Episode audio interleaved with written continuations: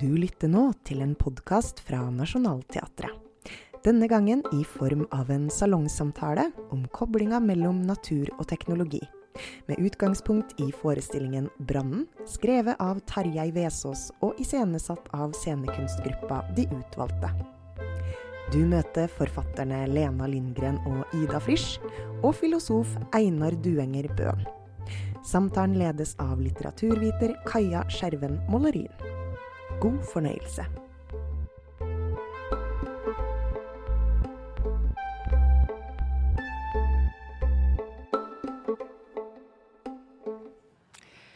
Da forfatteren og litteraturhistorikeren Martin Nag anmeldte Tarjei Vesaas' 'Brann i friheten' 6.10.1961, eh, så åpnet han en anelse utålmodig med å si som følger. Tarjei Vesaas er i dag en av våre mest interessante forfattere. Vi sier til oss selv han må da snart være i stand til, være moden til, å skrive et verk som sier noe vesentlig om det å leve i dag. Et verk som ikke bare stiller spørsmål, men også gir svar. Eller forsøksvis svar. Vi åpner den nye boken av Vesaas med spenning. Kanskje skjer det denne gang. Siden det sikkert er en del eh, blant oss her i dag som eh, skal se forestillingen etter denne samtalen, eh, de utvalgtes oppsetning av brannen, så skal dette spørsmålet få henge litt. Eller vi skal prøve å ta det med oss på et litt mer overordnet plan. For skal man si noe vesentlig om det å leve i dag, så må man kanskje på et eller annet nivå forholde seg til noen av problemstillingene vi skal komme inn på her. Det gjelder forholdet mellom menneske og natur, natur og teknologi, og menneske og teknologi. Og de tre som sitter i panelet, har alle på hver sin måte vært opptatt av disse temaene og tenkt mer aktivt rundt dem enn de fleste. Det er Lena Lindgren, eh, forfatter, journalist i Morgenbladet. Det er Ida Frisch, forfatter. Og Einar Duenger Bøhn, professor i filosofi ved Universitetet i Agder. Og du har også en bok rett rundt hjørnet om teknologiens filosofi. Det blir eh, gjort opptak av denne samtalen til eh, podkasten Teaterprogrammet. Og jeg heter Kaja Skjerven Måleri. Jeg har lyst til å starte med å spørre dere litt eh, overordnet hvordan dere ble opptatt av disse problemstillingene.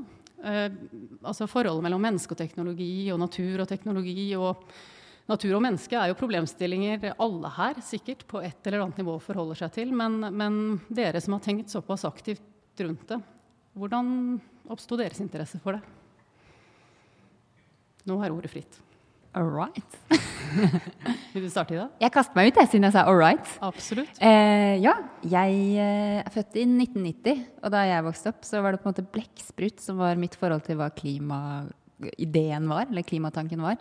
Men eh, jeg har jo opplevd at jeg faktisk har fått lov til å kjenne på, fra min barndom til nå eh, i 30-årene, at det skjer så store forandringer som jeg faktisk kjenner på i mitt eget liv. Og jeg syns det er så skummelt at jeg ikke helt vet hvor jeg skal gjøre av meg.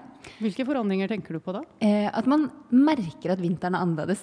Jeg merker det jo. Den var annerledes da jeg var barn. Kanskje jeg er farget av en eller annen romantikk rundt det å være barn og ha vinter. Men eh, breene smelter, og hvis all isen smelter, så stiger havet ti meter. Altså, det er så mange parametere som er skumle å tenke på. Eh, dette har gjort meg i løpet av 20-årene veldig redd til et punkt hvor jeg tenkte ok, enten så forblir jeg redd, eller så blir jeg praktisk. Eh, så min løsning på tanken mellom da mye menneske og natur, da, som du nevner, eh, var å flytte til Vestlandet, eh, til faren min, for å lære av han. Han kommer fra en fiskerstekt. Så jeg tenkte at ok, jeg kan kanskje ikke redde verden gjennom å være teknologisk eller være veldig, veldig, veldig intelligent, men kanskje jeg kan være litt praktisk. Så jeg har gjort det masse. Prøvd å lære meg å fiske og spikke og bruke øks. og Flytta ut i skogen. Eh, og, og bruke mindre strøm? Hva sa du? Og bruke mindre strøm. og jeg bruker mindre strøm. kan anbefales. Jeg har lav strømregning, folkens. eh, ja, så det er vel det. Kan praktikk på en måte være veien ut av eh, den klimaangsten, da? Eller apatien som vi kan kjenne på? Ja. Det spørsmålet skal få henge litt utover i samtalen. Vi kommer sikkert tilbake til det. Lene?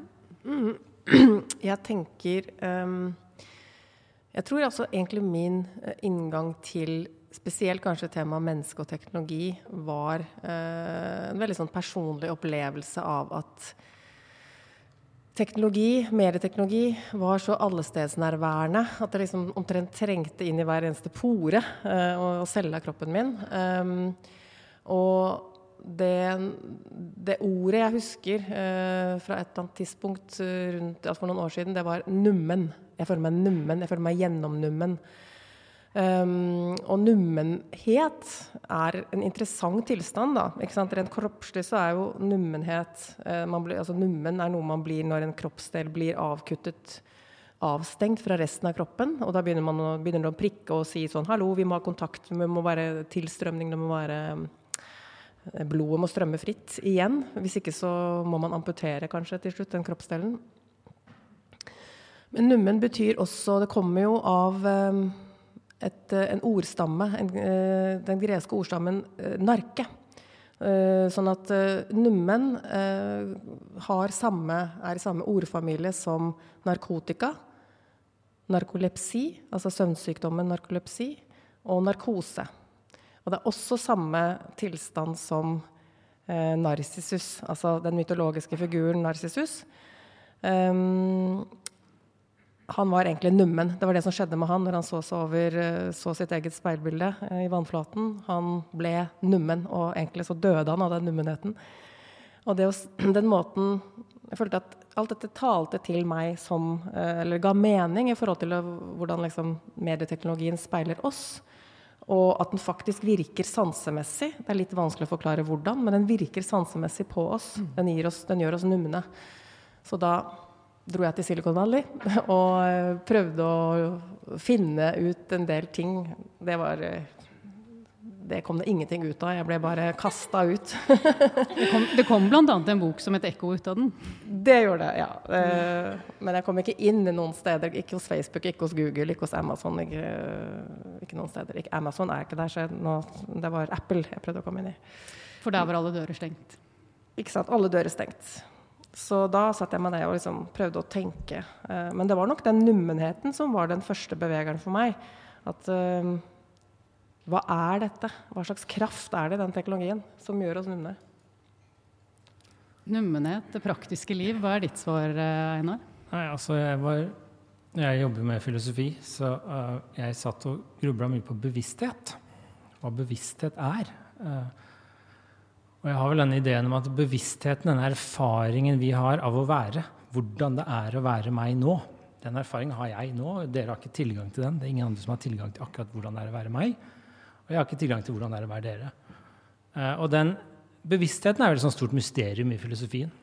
Og så var det noe, ble jeg litt sånn som uh, Lena, faktisk. Jeg ble ikke nummen, men jeg følte meg litt sånn misbrukt, jeg, faktisk, av teknologien. Uh, jeg kom på et tidspunkt for fire-fem år siden hvor jeg hadde bare lyst til å legge meg i fosterstilling og skrubbe meg. liksom. Altså, jeg følte meg misbrukt av alle disse tech-selskapene, måten de invaderte livet mitt på, og måten jeg ble pådytta teknologi som jeg ikke ville ha, men som jeg ikke hadde noe valg å unngå. Hva, hva slags uh, For F.eks. sosiale apper. Jeg kan jo ikke unngå å være der fordi jeg har barn som er på eh, fotballtreninger, så jeg må ha Facebook. Liksom. Altså det, du blir påtvungen en del teknologier som jeg ikke vil ha, for ikke å nevne på universitetet. Alle disse nye systemene vi må lære oss hele tiden. Jeg vil ikke ha det, ikke sant? og så må jeg få det likevel. Og da følte jeg meg misbrukt til slutt. Og den kombinasjonen av å prøve å forstå bevissthet, hvordan det er å være meg, som jeg tror egentlig er roten til alt som er av verdier og alt. Altså Hvorfor bry oss om noe? Hvorfor har vi moralske forpliktelser? Det er pga. bevisstheter. Altså de, katta mi føler hvordan det er å være der. Derfor jeg ikke skal tråkke på den. ikke sant? Eh, for moro skyld, i hvert fall. Eh, så det er, bevisstheten er roten til alt som er godt her i verden, og ondt. Samtidig som jeg følte meg misbrukt. Og så jobba jeg med masse teknologer på universitetet, og begynte, noen begynte å påstå at du kunne lage kunstig bevissthet, f.eks. Så jeg så en del science fiction-filmer, sånn som Eksmaken, som er liksom den beste filmen om kunstig intelligens, hvis dere er interessert i sånt. Så er det sånn, veldig, det var sånn hype for noen år siden om at liksom, nå er vi snart bare roboter, og teknologien tar over. Så jeg jobba mye sånn faglig da, med å prøve å forstå bevisstheten, at den faktisk ikke er programmerbar. Så det er liksom min hypotese. Altså det går ikke an å lage en robot som har vår bevissthet ved dagens metoder innenfor teknologi. Så det har jeg jobba mye med. Så det er veldig sånn faglig nerdete, samtidig som jeg liksom personlig følte meg misbrukt. det, er, det, er, min inngang til teknologi, egentlig. Og så er jeg veldig fascinert av det, fordi sånn som det er god og dårlig teknologi. ikke sant? Så Sosiale apper er roten til alt vondt for tiden. Facebook og sosiale medier. Mens chess.com er jo helt fantastisk. Altså, jeg, helt, jeg sitter på chess, jeg blir jo så god i sjakk. Så det er bare helt enestående teknologi. Og det er sånn sympatisk stemme som sier 'Great job! You are ready for the next level'. Og da føler jeg meg så godt. Jeg føler meg så smart og godt. Så det er veldig sånn god teknologi også der ute. Eh, så jeg, jeg prøvde å liksom balansere den der mellom det gode og det onde. og liksom Slå alle varsler på telefon, fjerne de sosiale mediene jeg ikke trenger. Og ta tilbake kontrollen av teknologien. da. I stedet for å la den kontrollere meg, så prøver jeg å kontrollere den. Og det å snu det bordet har jeg vært veldig fascinert av de siste årene. Uh, og det er ikke lykkes helt, men til en viss grad har jeg lykkes uh, med å liksom det går faktisk an for å bruke en dumtelefon veldig ofte. Jeg har en dumtelefon jeg bruker mye på dagtid. Det går an. Litt klønete å få parkert og kjøre trikk, men det går an. Uh, og det er verdt det, liksom. Å prøve å kjenne på den der selvkontrollen og at jeg bestemmer over mitt liv. da. Den har jeg prøvd å ta tilbake. Og det tror jeg liksom er meningen med alt, egentlig. Det er å ta tilbake den selvkontrollen. da. Altså, noe av grunnen til at vi diskuterer disse problemstillingene her i dag, er jo at uh, Tarjei Vesaas-brannen, som mange av Tarjei Vesaas' romaner, plasserer mennesket i naturen. Uh, og så uh, har han her fått en oppsetning uh, som involverer mye teknologi. Og vi vil sikkert komme tilbake underveis i samtalen til noen eksempler fra, fra stykket. Men, men, siden dere alle nå på ulike måter har vært innom dette med at Eh, den teknologiske utviklingen innebærer en sansemessig revolusjon på mange måter. Det blir også ofte sagt, vi har jo hørt det de siste årene. Men hva innebærer egentlig denne revolusjonen? Hva er det ved den sansemessige du, du, var inne på det Lena, da du sa dette med at, at det, teknologien virker sansemessig på oss. Hva gjør den med oss? Med hva vi føler, ser, oppmerksomheten? Altså Hvordan blir vi påvirket? Dette er et åpent spørsmål som går til dere alle.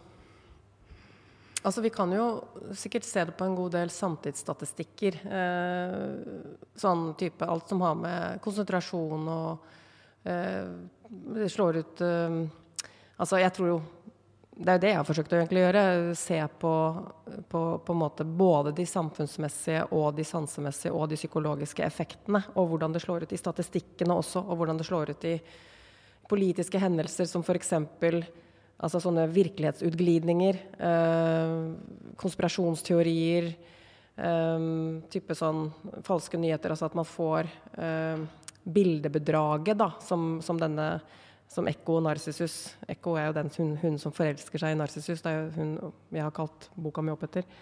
Men, um, men, det, men, det, på en måte Eh, den, den liksom virkelighetsutskeielsen, den, den, tror jeg vi ser alle sammen i samtiden. Vi ser den i politikken, vi ser den i, i masse statistikker. Alt fra selvmordsstatistikker til, til, lesning og ja, mye Nå blir det liksom kanskje litt mye dystopisk. Men jeg tror at rent sånn sansemessig, spørsmålet ditt er vanskelig å, å, vise dette vitenskapelig. Altså det er vanskelig å vise det i forskning. Eh, det er gjort hjerneskanninger. Man ser liksom at, eh, at, hjernen forandrer seg når man spiller dataspill og sånn. Men, men jeg, den jeg syns har den mest hva skal jeg si, levende eh, framstillingen av det, er han Marshall McLuhan, som egentlig er sånn en, en kanadisk eh, medietenker som er kjent for å ha spådd internett mange tiår før det kom.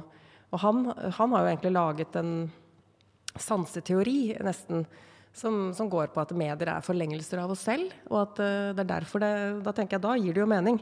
Uh, og, og hvis vi Altså mediene Hvis kroppen vår faktisk oppfatter at mediene våre er ikke liksom nødvendigvis helt en del av kroppen, men de er i forlengelse av kroppen, så det er klart at kroppen vår også um, merker det, da. Kan jeg føye til en ting? Altså, Jeg tror det er veldig, et veldig godt eksempel jeg har tenkt mye på, er når jeg sitter og skriver på en bok. Så sitter du på laptopen i dag, ikke sant. Så bruker jeg Word da, og skriver i Word og har Outlook på jobb og sånn.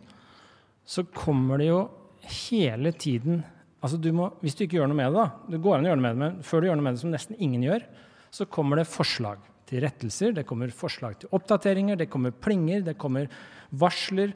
Det er en interaktiv greie. Og det er ganske interessant sånn sansemessig hva det gjør med meg, fordi jeg sitter her og blir konstant forstyrra. Eh, og det forandrer min skrivestil, det forandrer min måte å formulere meg på, fordi Word er et internasjonalt, universelt verktøy som bare skal funke overalt. Same, samme buksa på alle, liksom. Og det gjør noe med meg, for hvis du tenker på i forhold til når jeg sitter og skriver for hånd, håndnotater som jeg har flørta litt med de siste åra, sitte og skrive for hånd, da er arket og blyanten helt passiv. Den gjør ingenting annet enn det jeg gjør.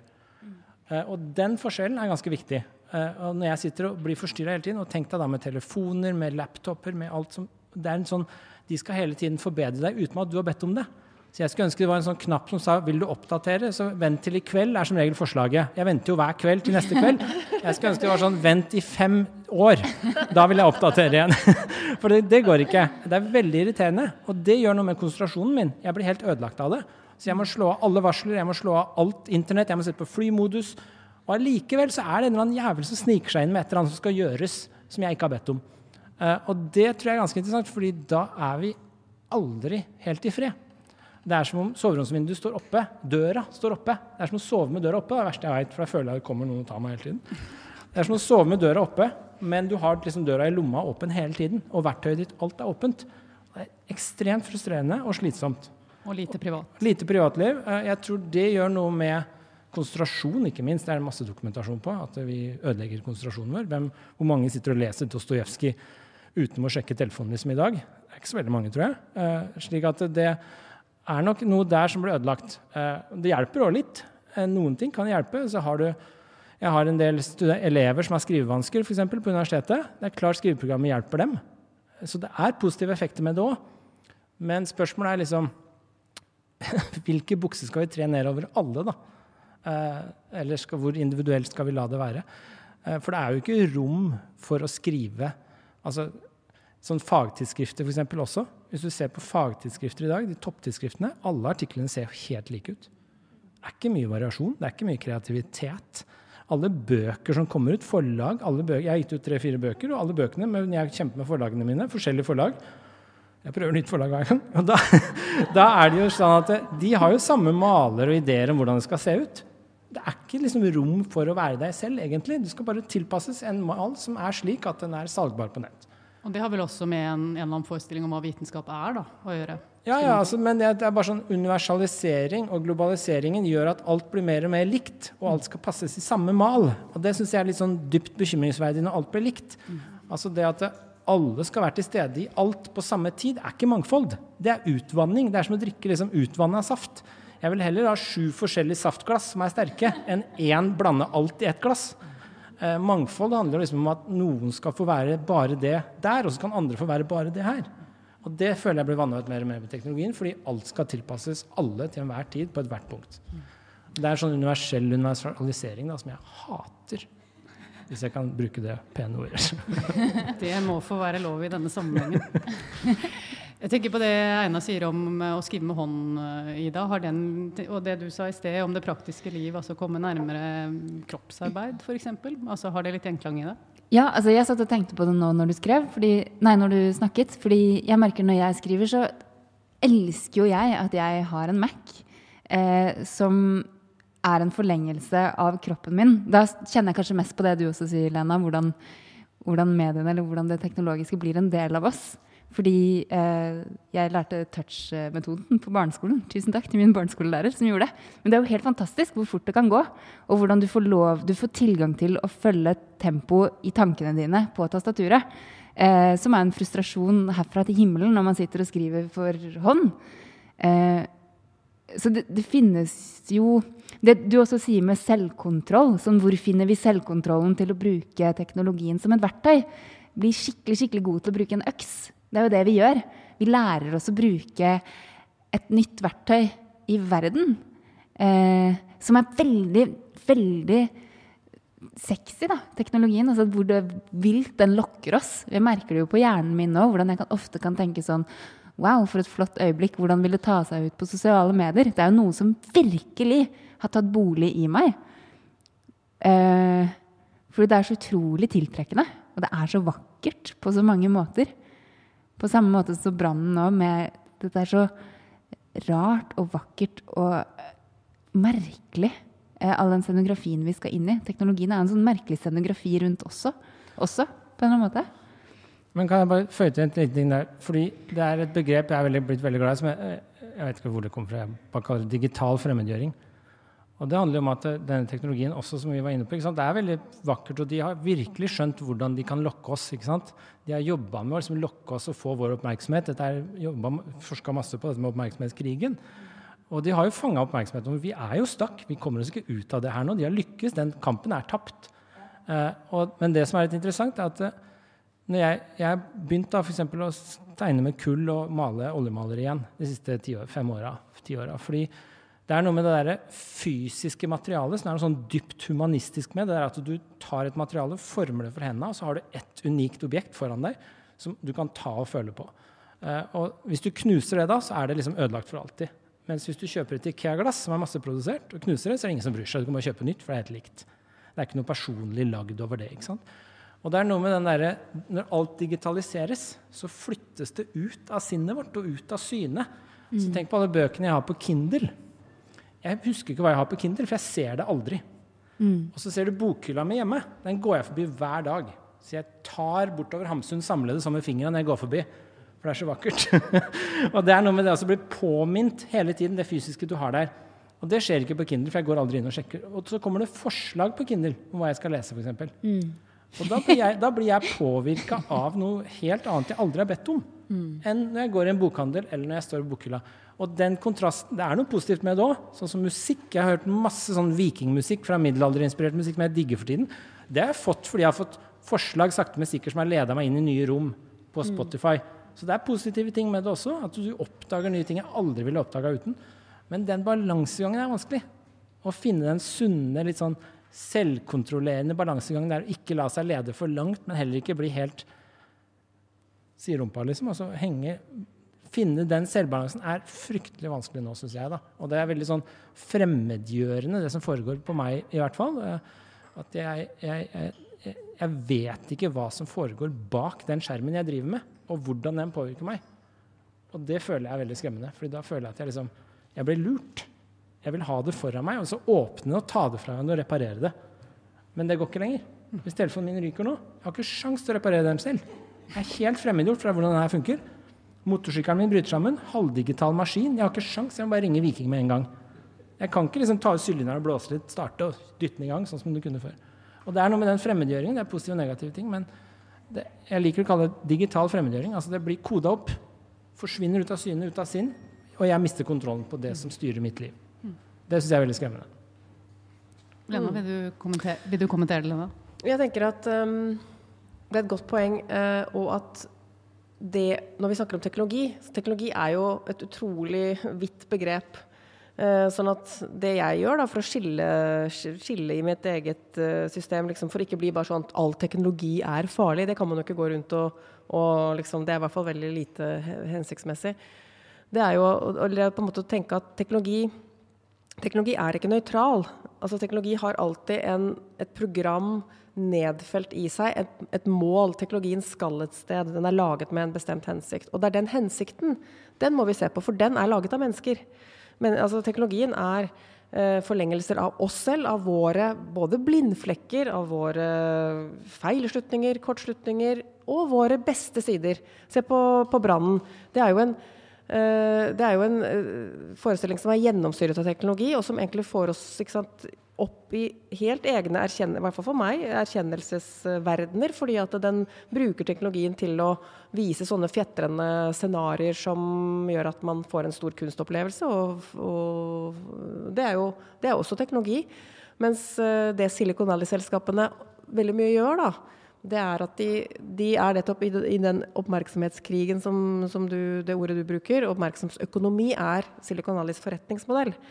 Og de bruker massevis av triks, alle de skitne triksene i boka, for å kapre, kapre oppmerksomhet. Fordi oppmerksomhet er en menneskelig ressurs som de seg, har tjent seg søkkrike på. Blitt verdens rikeste selskaper i løpet av ti år. Uh, det er en ideologi, det. Det er en forretningsmodell og en ideologi. Det er ikke en teknologi. Det er en, det er en ideologi som, teknologien, som, som, virker gjennom teknologien. sånn at det mener jeg er liksom en viktig bevisstgjøring. For det går an å være kritisk mot den forretningsmodellen uten å på en måte være sånn generelt føle seg som en dinosaur og være teknologipessimist. Det er ikke det det handler om. Er, det handler om å være ideologikritisk like mye. Um, sånn at, uh, at uh, teknologi Ja. Jeg syns um, det er noen sånne veldig, veldig store paraplyer vi opererer med, og da blir det lett litt sånn feil. Men det, det kan man jo virkelig se, de som skal se brannen etterpå. At, uh, at, det er jo en uh, det er en, veldig mye en teknologisk opplevelse. En sans, teknologisk sanseerfaring man skal ha. ikke sant? Så uh, det blir jo feil å bare liksom sitte og være teknologipessimist. Det er jo veldig interessant å se på hva begrepet teknologi kommer av. da. Altså, apropos øks, som Ida var inne på. altså Teknologi kommer av det greske begrepet 'tekne', som betyr egentlig det å kunne noe. Så det er en slags praktisk kunnskap. Men i tillegg så skal du ikke bare kunne det, så du skal ikke bare kunne lage en, eh, snekre et hus, men du skal forstå hvorfor du gjør det du gjør underveis. Det er en blanding av teori og praksis. Det er det Aristoteles ville kalle en dyd. Det var en intellektuell dyd, et karaktertrekk som var rosverdig. Da kunne du noe, du forsto hvordan du skulle gjøre det, men også hvorfor du gjorde det du gjorde underveis. Det er tekne, det er en dyd. Og teknologi og kunst også kommer av dette begrepet. Tekne, Romerne tok det og ble ars, som ble til art. Det handler om det å kunne noe. Kunsten å lage mat, kunsten å male, kunsten å snekre. Det er teknologien. Eh, og hvis du knuser den her, hvis jeg ødelegger den, da, som jeg har veldig lyst til hele tiden, så ødelegger jeg ikke noe teknologi. Jeg ødelegger bare denne maskinen her som er implementert teknologi. Så teknologien er jo vedlikeholdt, selv om jeg ødelegger den her. Så det handler mer om liksom kunnskapen, disse teknikkene bak. Og sånn sett så er jo f.eks. public management som er liksom disse teknikkene for å få folk til å jobbe bedre, og organisere dem på arbeidsplasser og åpne landskap og sånn, det er jo en slags teknologi. Akkurat som øksa, akkurat som saga, det å tenne bål. Alt dette blir teknologi. Og da blir jo den digitale implementerte teknologien det blir bare en spesiell type ny teknologi. Ikke noe veldig spennende egentlig i et teknologisk perspektiv. Det er bare en ny type digital teknologi som er koda opp i en veldig spesiell matematisk måte, og som kan få mye mer informasjon, inn på mindre sted og tid. Eh, så, men det er bare teknikker. Og da kommer det Ida, nei, Lene var inne på. ikke sant? Altså, tek, teknikker og kunnskap det er jo der ansvaret ligger. Så når du har veldig mye kunnskap, så har du også litt mer ansvar. Det er derfor jeg har mer ansvar enn mine barn hjemme hvis det begynner å brenne. Fordi jeg skjønner for ikke så veldig mye, men litt mer enn mine barn om hva du skal gjøre da. Og det er litt sånn som jeg liker alltid å si, liksom onkelen til Spiderman sier da. With great power comes great responsibility. det er sånn dyp litteratur her. Og det er jo da uh, Det er veldig sant. Altså Når vi besitter en, og de selskapet Silicon Valley, når du har, bruker øksa di, så besitter du dette ansvaret på en helt annen måte enn når du ikke styrer det selv. Så når jeg setter i gang vaskemaskin, trykker start, så går den. Og hvis det kommer ut møkkete da, så er det noe gærent med maskinen. Det er ikke min skyld. Men hvis jeg vasker opp for hånd, og det så kommer ut møkkete, så får jeg skylda. Hjemme hos meg, i hvert fall. Slik at det er jo veldig fremmedgjørende også i forhold til ansvar. I forhold til det å føle seg del av noe, det at vi ikke har kontroll. Så jeg tror det er veldig viktig Lena sier at du må liksom forstå hva disse teknikkene egentlig driver med. fordi da, når du behersker, får litt kunnskap om det, da, så har du også mer makt og ansvar for egne handlinger og det du driver med også. Det er jo også interessant med en roman som 'Brannen', hvor det nettopp er så mange håndverksyrker. Altså Apropos folk som sager og um, jobber med øksa og osv. Men jeg tenkte også på det du sa, Lena, om at um, om, om brannen og den sånn, teknologiske erfaringen i, i, i, møte med denne uh, oppsetningen. Altså, 'Brannen' er jo også en roman som handler mye om angst, uro, eksistensiell ensomhet. En følelse kanskje av å være forfulgt, eller i hvert fall det ligger der. Uh, og i en oppsetning med så mye teknologi, så kan man jo komme til å tenke på uh, dette med teknologi og paranoia, uh, og i hvilken grad det er berettiget. For det er klart, vi er jo i viss grad forfulgt gjennom teknologien og overvåket og Altså, er det et perspektiv det er verdt å si noe om i denne sammenheng, eller er det Det er jo veldig interessant at Jeg skal ikke spoile, da, men det starter jo med at han En telefon. Altså en, eh, en oppringning. Eh, så det er noe Det er noe der som, eh, som Det ligger der. Jeg syns i hvert fall at bare sånn generelt om, om å oppleve, da. For det, det, er veldig vanskelig å nesten snakke om den forestillingen, for den er veldig mye en sånn sanseopplevelse. Men, men jeg føler at den, den, den Eh, hva den handler om, er ikke så lett å beskrive, men det er eh, veldig en sånn presis sånn livsfølelse og tidsfølelse i den som, som, jeg tror kan vekke gjenklang i forhold til den samtiden vi lever i. En følelse av at verden brenner. En følelse av at det er grensetilstander mellom, mellom uh, virkelighet og et eller annet mørke der som vokser innover oss, og som vi ikke Vi kan ikke se helt hva som skjer. Og at det delvis har med teknologi å gjøre. Det har med mye annet enn med klima å gjøre. Klima, det er også klimareferanser i det stykket som er ganske tydelige, syns jeg. Um, nettopp koblet til, til, håndverk, eller til, til håndverksyrkene, da. Og, uh, også, men, men, um, men, også teknologien. At det er Jeg tror at veldig mye av den liksom drømspillaktige, litt sånn marerittaktige Eh, følelsen, den tror jeg folk kan kjenne igjen i det der, nettopp at man er omrikket av teknologi. Det som Einar egentlig beskriver her, da. Mm. Hva tenker du, Ida? Ja, Det jeg satt tenkt på nå når dere snakket, er eh, det Du nevner jo det angstfulle, og du nevner også det ubehagelige. Eh, det som jeg syns var veldig spennende med både boka og forestillingen, er Jeg syns det var kjempekrevende egentlig både å lese boka og se forestillingen, fordi begge var så ubehagelige. Jeg ville gi den mening, både boka og forestilling, og så er det ikke alltid så lett. Og så ser man noen bilder som er skumle fordi de minner om en slags undergang eller en grensetilstand eller en klimakrise. Eh, så personlig så merket jeg at det var veldig fint å kjenne på den, den motstanden mot både å lese boka og se ferdig stykket. Fordi det er um, noe som kanskje speiler et eller annet mørke i oss også. Og det vil vi veldig gjerne unngå. Det er veldig deilig å le på teater og le i en bok og bli underholdt. Eh, sånn som jeg hørte en god venn av meg si for ikke så lenge siden. Jeg vil bare ha input. Jeg orker ikke å, å lage output. det er veldig deilig å motta. Jeg syns med skrekk, spør du meg. ja, ja. Vi vil gjerne få fylt på, og gjerne noe som bare Det er jo alt som er galt med samtiden vår. Ja, nettopp. Ja, Han er jo representanten. Ja, Men det kjente jeg veldig på. At oi, her er det jo en eller annen personlig motstand i meg òg. For det er ubehagelig, og det er stygt, og det er mye lyd, og det er rare samtaler de har. Hvorfor gjør de det de gjør? Eh, hvorfor, uh, ja, det tenkte jeg på. Den, ja, nå må du kommentere, tok, jeg tok jo med alle mine barn på denne forestillingen på lørdag. Tre barn. oi, oi. De er mellom 12 og 17 tre gutter, og alle satt der da, på rekke og rad og så på dette her. Og jeg må jo være helt ærlig, de skjønte ikke veldig mye. Og de, de satt der og tenkte På et tidspunkt så sa han yngste 'smil og vink, gutter'. Smil og vink, sa han. Fordi han, han skjønte ikke hva som foregikk. Men det var én veldig eh, fin scene der så, eh, på en grønn eng. Som er veldig fin. Det var den fineste scenen. Og da våkna alle tre, liksom. Da synes mine, det, det var den fineste scenen ifølge alle tre. Og det er ganske interessant, tenkte jeg på etterpå, da, altså den ene scenen hvor det er kanskje minst teknologi, da, der ligger de på en, Jeg skal ikke spoile alt, men det ligger på en grønn eng. og så snakker liksom om ja, hva skal vi gjøre nå, liksom, hvordan går dette? Den likte barna veldig godt. Uh, og det er ganske interessant, fordi det var liksom det mest enkle, det mest naturlige, det minst teknologiske, det mest ærlige, det mest liksom sånn Bare sånn Her er vi, nå er det ikke noe dill, det er ikke noe tull. det er liksom, Hva skal vi gjøre nå? Den skjønte de, den likte de best. Det tror jeg er et veldig sånn menneskelig tegn, da.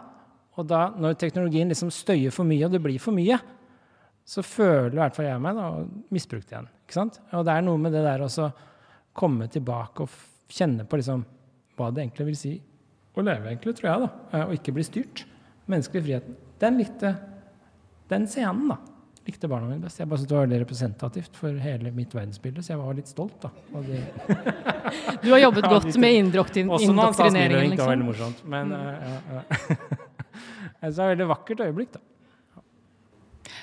Tenker dere at teknologien er en del av krisen vi står i, eller eh, en del av, en del av, en del av kri, den samt, store samtidskrisen, hvis vi skal kalle det det vi, altså klimakrisen, humanitære katastrofer, eh, demokratier som går i oppløsning, altså så hvor teknologien jo også har spilt en rolle i valgkamper osv., som vi jo alle vet godt om. Eh, er teknologien en del av denne krisen, eller er den veien ut av den?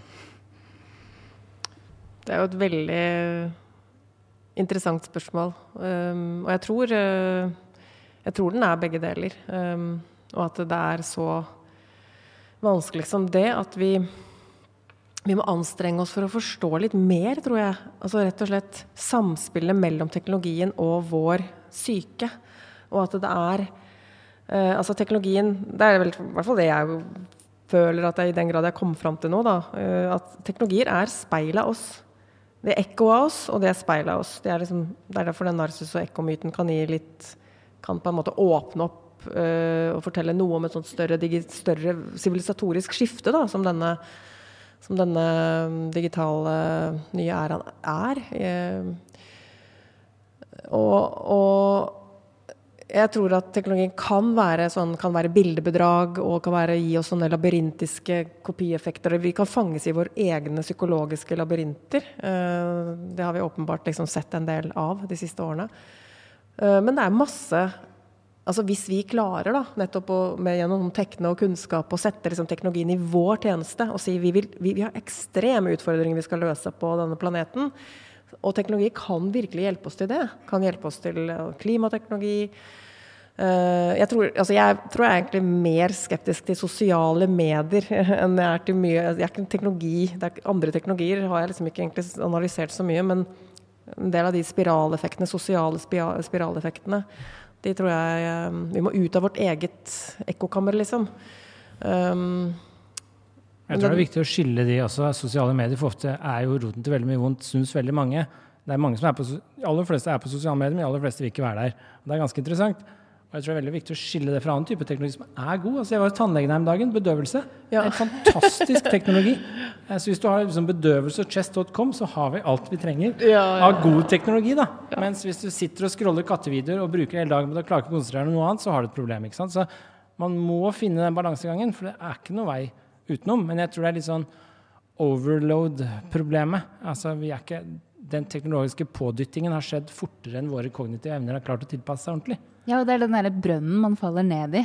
Og det derre sinnssyke eh, For jeg jobber med ungdommer, og så sitter de jo alltid med telefonene sine. Og da kan jeg ofte si sånn Hallo, ta ned telefonene. Så noen ganger så ser de på meg, så sier de sånn Det er dopamin i det. bare ja, selvfølgelig er det det. Vi faller ned i den brønnen, og vi bare vil ha mer og mer og mer og mer. og mer. Men så skjer det også så mye vakkert når man bare legger ned de telefonene og er sammen som mennesker. Det vi skaper sammen som mennesker, er helt rått. Vi er helt rå. Men så har vi dette nye For jeg liker å tenke på det som et nytt verktøy som vi trenger å lære oss å bruke. Fordi det er helt utrolig nydelig på så mange måter. Men hvordan kan vi skape den utopien vi alle har lyst til å leve i, da? Ved hjelp av teknologi? Her tror jeg det er viktig også å tenke på offentlige reguleringer. Eksempel. Hvorfor er det ikke noen mm. debatt på offentlige reguleringer av smarttelefoner på barn? Det postulerte jeg for noen år siden, da alle mente jeg var gal og gammeldags og bakstreversk. Men jeg tror det er helt riktig. Altså, det kommer til å komme f.eks. at det blir aldersgrenser på smarttelefoner, eller på visse typer bruk av smarttelefoner. Altså, det skulle bare mangle. Altså, er jo, nå er det rehabs på smarttelefoner begynt å oppstå. Altså, er, da har du et problem. Og dette minner veldig om f.eks. tobakkhistorien, hvor barna røyka fritt, og alle syntes det holdt dem veldig rolig og fine når de satt og røyka. Og så skjønte at det ikke var så lurt etter hvert. Og det tror jeg også du ser nå etter hvert med skjermavhengighet og sånn, at det ikke er så lurt. Så, begynne, så det må, men det er veldig vanskelig for foreldre, f.eks. For La oss si din unge får ikke ha smarttelefon når alle andre har det. Så det er det spillteoretiske dilemmaet som oppstår. Så det er derfor det er veldig lurt med offentlige reguleringer av og til. fordi da slipper vi å prøve å forholde oss til det individuelt. Eh, så grensesetting er bra, da. Også statlig, hvis det funker. Røykeloven, helt genial, ikke sant? Egentlig. Selv om jeg var mot den når den kom så er det jo helt genialt. Jeg tror det må noe sånt til også er for å finne balansen Ida var inne på. ikke sant? Altså, Barn har ikke trent opp impulskontrollen sin ennå. Det er det de skal lære seg i marshmallows-testen. Vente på to i stedet for å ta én nå. Og det klarer de ikke når du hele tiden blir avbrutt, når du hele tiden får stimuli, når du hele tiden blir underholdt. Og det er den reguleringen jeg tror man må begynne å diskutere seriøst. liksom. Hva slags offentlige reguleringer skal vi ha? Og det tror jeg kommer. Det er min hypotese. Det kommer til å komme sakte, men sikkert. Nå ser du noen skoler har forbudt smarttelefoner. Kjelsås barneskole nå sa vi skal ikke ha smarttelefoner i skolegården. Eh, det er der hvor mine barn går. Og det er liksom sånn for tegn i tiden, tror jeg, da, at dette kommer til å komme. At det kommer til å bli begrensninger på smarttelefoner. Og at det er blitt ganske fresht å ha sånn eh, klaffetelefon igjen. Som flip-flop. Ja, ja. ja det har er blitt litt fett. Har kidsa det nå? De har det, noen av de.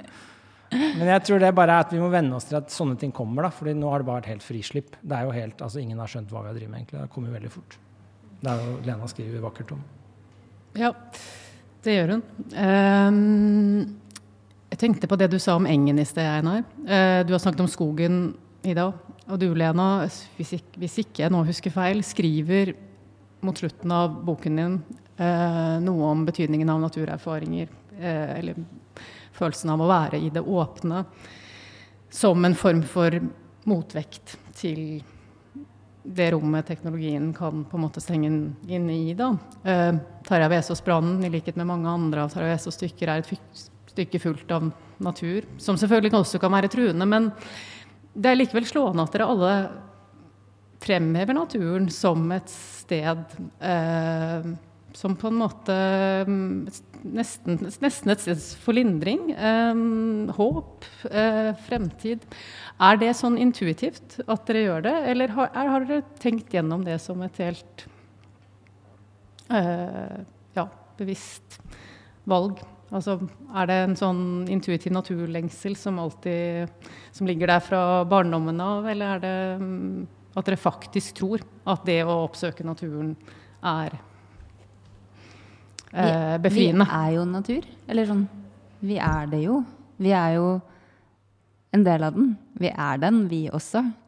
Eh, jeg merker nå etter fem år i skogen at jo mer jeg kobler meg på at jeg husker at jeg også er natur, jo bedre har jeg det egentlig. Jeg hørte en utrolig vakker teori om at um, hvis du bor et sted hvor du har horisont, eller hvor du ser stjernehimmel, så kan du som menneske plassere deg i litt sånn riktig størrelse i forhold til verden. Du er den lille mauren som ikke betyr noen ting, men du betyr samtidig alt. Fordi du, som du sa i stad, du vet hvordan det er å være deg, og din eksistens og din reise gjennom livet er veldig viktig for deg. Og det er for meg å leve mitt liv veldig viktig. Eh, og så mente de det at hvis man bor for i en by hvor det er mye lusforurensning, så får man på en måte ikke tilgang til det samme størrelsesforholdet. Så man gjør seg selv og sitt eget ego veldig stort. Det blir veldig viktig å være seg selv, fordi man får liksom ikke satt seg selv eh, Ja, plassert seg selv som det mennesket man er på en planet som snurrer rundt i verdensrommet. eh, og det tror jeg det har lært meg, det å være i kontakt med naturen. Som er helt fantastisk og helt jævlig på samme tid. Eh, jeg tror jeg er den eneste 30-åringen jeg kjenner som på en måte hogger ved før jeg drar på jobb. Og har den der forbanna gamle bilen fra 80-tallet. Det er kjempevakkert og utrolig frustrerende. Men, men det minner meg på at jeg er natur. Er ikke Og de jeg- gamle bilene veldig forurensende? Ja, det var det. Diesel sikkert. Da. Jeg har jo bare kommet hit for å bli kompostert, jeg òg, på en måte. Og den som fin, da. Men det som er litt kult med begrepet natur, da, det er mange forskjellige forståelser av selve begrepet natur. Altså Den gamle kommer jo av fysisk, dette greske begrepet, som er ofte motsetningen til tekne, som er det teknologi kommer av. Så tekne handler om når vi interagerer og bryter inn og skaper noe. Så tekne er en skapende holdning vi har. Eh, At vi evner å bygge noe, skape noe, skjønne hvorfor og hvordan vi gjør det. Og motsatten er fysis, som betyr da som er det fysikk kommer av. Altså, men det betyr noe sånt som natur. altså Det betyr de tingene som styres av sine egne prinsipper. Så en plante er fysisk fordi den vokser, ernærer seg og forfaller på egne premisser uten vår innvirkning. Så når du går i skogen og ser et tre, så er det fysisk. Men når du ser hytta bygd av disse trærne ved siden av, så er det kultur. Det er tekne. Og det forfaller ikke på egne premisser, det forfaller på våre premisser, avhengig av hvordan vi bygde det. Og i den grad hytta råtner, så er det fysisk, fordi da er det treverkets premisser som gjør at den råtner. Så det er skille mellom kultur og natur, mellom fysisk og tekne. Og da er jo vi per definisjon noe som interagerer i naturen. Noe som bryter opp dens naturlige gang. Eh, Og da har vi satt oss selv i en sterk motsetning til natur. Og Men er ikke vi også fysisk? Nei, vi er jo, Kroppen vår er det, f.eks. Så min kropp den vokser og forfaller på egne premisser, egentlig, litt uavhengig av meg. Men nå ser vi også at vi mer og mer har kunnskap om at jeg kan konstruere og bygge kroppen min etter mine egne premisser. Og da blir det kultur. Da blir det tekne. Og når teknologien tar over, så kan jeg bli en kyborg, kanskje. Da er det i hvert fall tekne. Da er det ikke lenger natur. Så vi omskaper fysisk til kultur. Og det gjør vi mer og mer. Og det er jo derfor det også er så viktig liksom, med dette ansvaret og power, og, som Spiderman sa. da, Onkelen til Spiderman. Men det er jo da veldig interessant, fordi vi definerer oss i motsetning. Mens vi egentlig bare er også samtidig er en del av det. Det er det som er veldig forvirrende. Å være menneske, egentlig. det er at vi både vokser og forfaller på egne premisser, men skaper også våre egne. Uh, så det er ganske sånn Jeg synes det er litt sånn deprimerende, egentlig. da. Men tror du ikke, tror du ikke at, eh, at, noe av problemet uh, med altså hvorfor vi har kommet inn i den krisen vi har da, i dag, den, den liksom, enorme naturtapet og artsutryddelsene og klimakrisen, at det handler litt om at vi at også uh, filosofihistorien er full av lesninger hvor mennesker egentlig leser seg selv som i lys av teknologien og leser seg selv som maskin, altså egentlig mest. Det er i hvert fall en, en ting jeg oppdaget underveis. at det, det er den vestlige tanketradisjonen og helt siden Descartes og sånn, er veldig opptatt av å, le, av å se seg selv eh, som metaforer på altså Den typiske plansjen er sånn hjernen som et urverk, eller eh, han, Det er masse forskjellige eksempler. Mens nettopp det at hvis vi hadde hatt en mye større erkjennelse at nettopp som Ida sier, vi er natur, vi, så hadde vi jo ikke, kanskje ikke klart å komme oss inn i det vannføret, da. Ja, Men samtidig så er vi jo hevet over natur. Det er det som er problemet. Vi er natur, men vi er også noe mer, for vi kan bygge en hytte. Jeg kan kontrollere naturen mye større grad. Jeg kan ta vare på kroppen min på en helt annen måte enn katta mi kan. Og da er jeg noe annet enn den opprinnelige naturforståelsen også. Vi har en sånn derre kulturtopp som ødelegger, men også er fantastisk, som Ida var inne på. Ikke noe som er kulere enn å se et bra maleri, liksom. Men det er kultur. Samtidig som vi er natur. Kjære panel. Vi må rett og slett gå inn for landing. Dette kunne vi fortsatt med i det uendelige. Eh, men med disse fine refleksjonene skal vi rett og slett si takk for oss. Takk til dere, takk til publikum, og god forestilling.